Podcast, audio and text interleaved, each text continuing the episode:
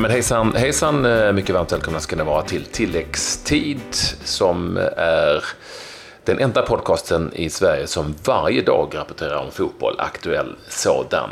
Vi är eh, på studs även denna dag och bland annat så har vi ju följande på menyn.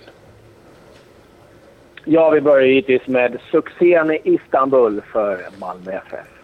Nu ser det ut som att IFK Göteborgs veteran kanske lämnar klubben.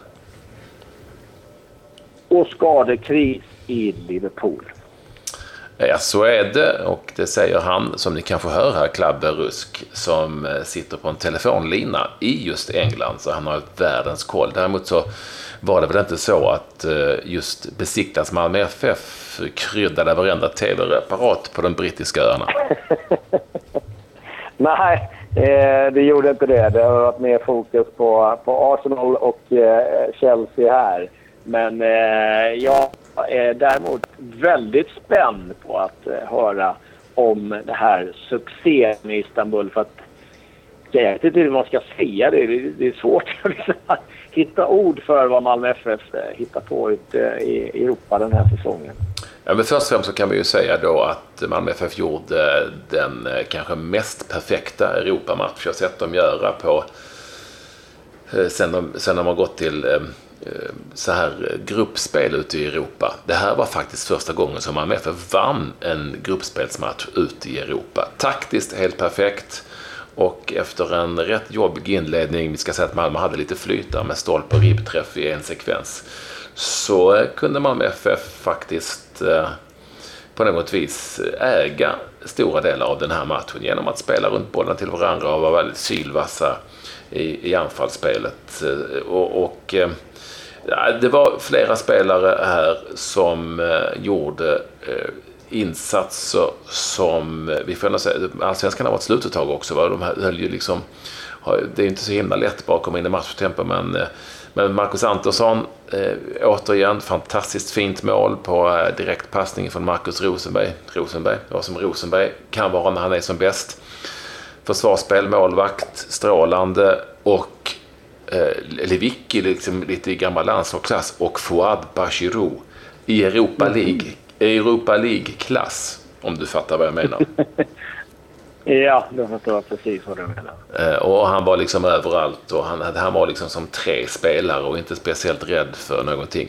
Det ska sägas att, eh, som du säkert har sett, att Besiktas har ju haft skadebekymmer eh, och så, men kom igen, de är ett väldigt starkt mm. lag till, till spel. Värt ungefär, jag menar Wagner Love kostar väl ungefär lika mycket, läste jag, som Malmö FFs hela trupp. Så det är klart, det är ju inga, var ju inte dussinspelare de, och de behövde verkligen vinna och de spelade i Istanbul. Och Malmö FF har aldrig vunnit en Europa League-match på bortaplan. Eller gruppspelsmatch på bortaplan. Ja, men det är klart att det var en sensationell seger på alla sätt och vis. Men så som den såg ut ja, ja. så var det inte överraskande så som matchen såg ut. Nej, alltså det är ju eh, någonstans eh, eh, så är det klart att det var en, e, måste vara en enorm press på Besiktas. Så att, eh, ja, Malmö kanske inte rankar... Alltså, eh, det är inte så att de eh, har koll på Malmö eh, på det sättet i, i Besiktas alltså, eller Istanbul och Turkiet. Utan det var ju, det var ju givetvis en måste-match. Och, eh, jag kan tänka mig att de har pratat ganska mycket om eh, att Östersund ska ut Galatasaray och att det här ska man ändå ta allvarligt. Men eh, någonstans så kan jag tänka mig en liten, liten nonchalans kanske. Eh, men det visar ju dels eh, hur bra Malmö är och eh, hur tajt det ändå är när det väl kommer. Så vi, vi ser de här stöden lite grann. Men det är en otrolig insats oavsett hur man än rankar det här. Jag vet att det är liksom en, en säsong som är väldigt konstig på många sätt i, i Turkiet. Vi har ett Fenerbahce som ligger näst sist. Det, det säger väl en del om eh, mm. vad som händer i, i Turkiet. Men ja, jag vet inte riktigt vad det är med Malmö och Europa. Men det, det, det, funkar väldigt bra och eh, ja, man kan ju någonstans på på många sätt ser det som ett misslyckande i Sverige. Men alltså, summerar man säsongen så är det ju att AIK vann, Norrköping tvåa, men det är Malmö FF som har spelat in över 70 miljoner kronor. Plus ja. försäljning av eh, Svanberg på 50 miljoner. Så att när vi summerar säsongen så någonstans så får man väl ändå säga att Malmö också eh, ska säga att SM-guld är ett SM-guld. Vi ska inte få ta AIK på något Nej. sätt. Men jäklar vad cash de drar in. Ja.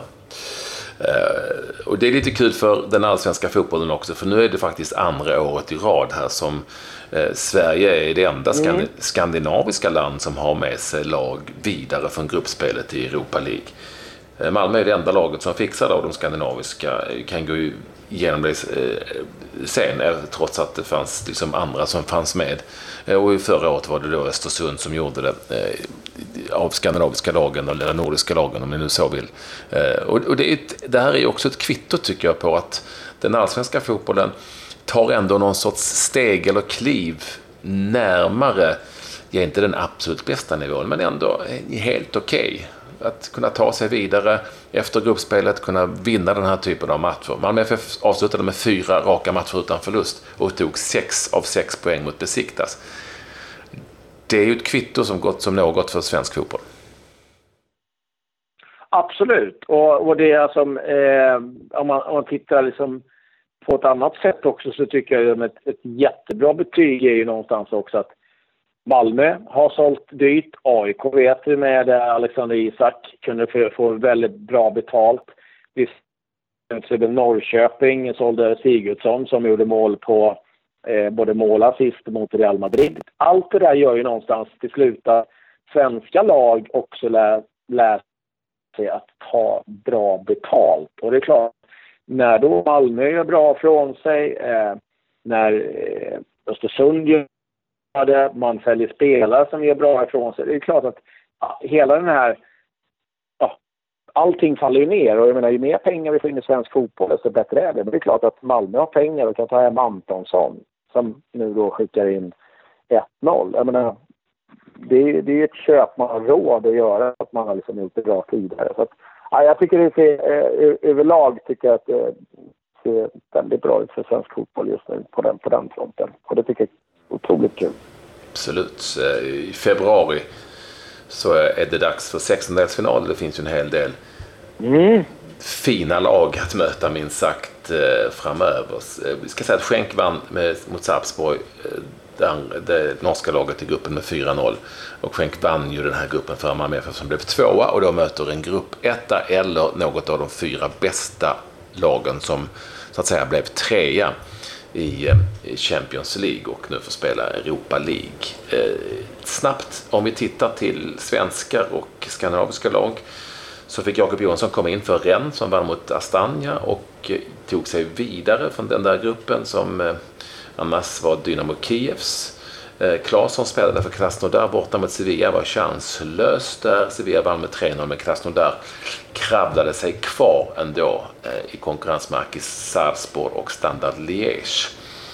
Eh, vi hade FC Köpenhamn som hade en möjlighet att ta sig vidare men förlorade hemma mot gruppjumbon Bordeaux med 1-0. Där hade vi svenskar i spel så det blev ehm, ehm, eh, Sparta Prag och Zenit som tog sig vidare därifrån. Den stora sensationen är väl annars att AC Milan fortsätter att gå risigt. Förlorade borta mot Olympiakos med 3-1 och eh, Olympiakos tog den platsen, andra platsen bakom Real Betis och tog sig vidare därifrån. Eh, vad har vi mer? Jo, Rosenborg kom ju sist i sin grupp men fick 1-1 mot Leipzig. Inget spel för Levi och Forsberg är som ni vet eh, ut eh, ur spel. Mirakelläkare. Ja, han är som mirakelläkare. Han är en jobbig skada, huvudskada. Hoppas det är okej okay med honom på Micke Lustig. Eh, när de mötte Salzburg mm. i Skottland. Eh, det var ju klart redan sedan tidigare att Salzburg och Celtic skulle vidare. Salzburg vann med 2-1. Jag hoppas det är okej okay med Micke Lustig. Eh, ja du, där har vi nog de ändå. Ja, Bayer Leverkusen, Isak Kiese spelade hela matchen för Bayer Leverkusen mot Larnaca borta. Leverkusen gick vidare och vann mot Larnaca med 5-1.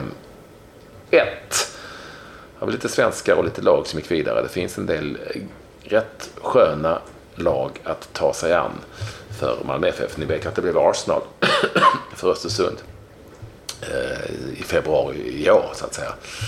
Eh, så att eh, det kan ju bli kan riktigt gött. På Salzburg. Ja, det är många som önskar sig det. Inte de i Salzburg dock, tror jag.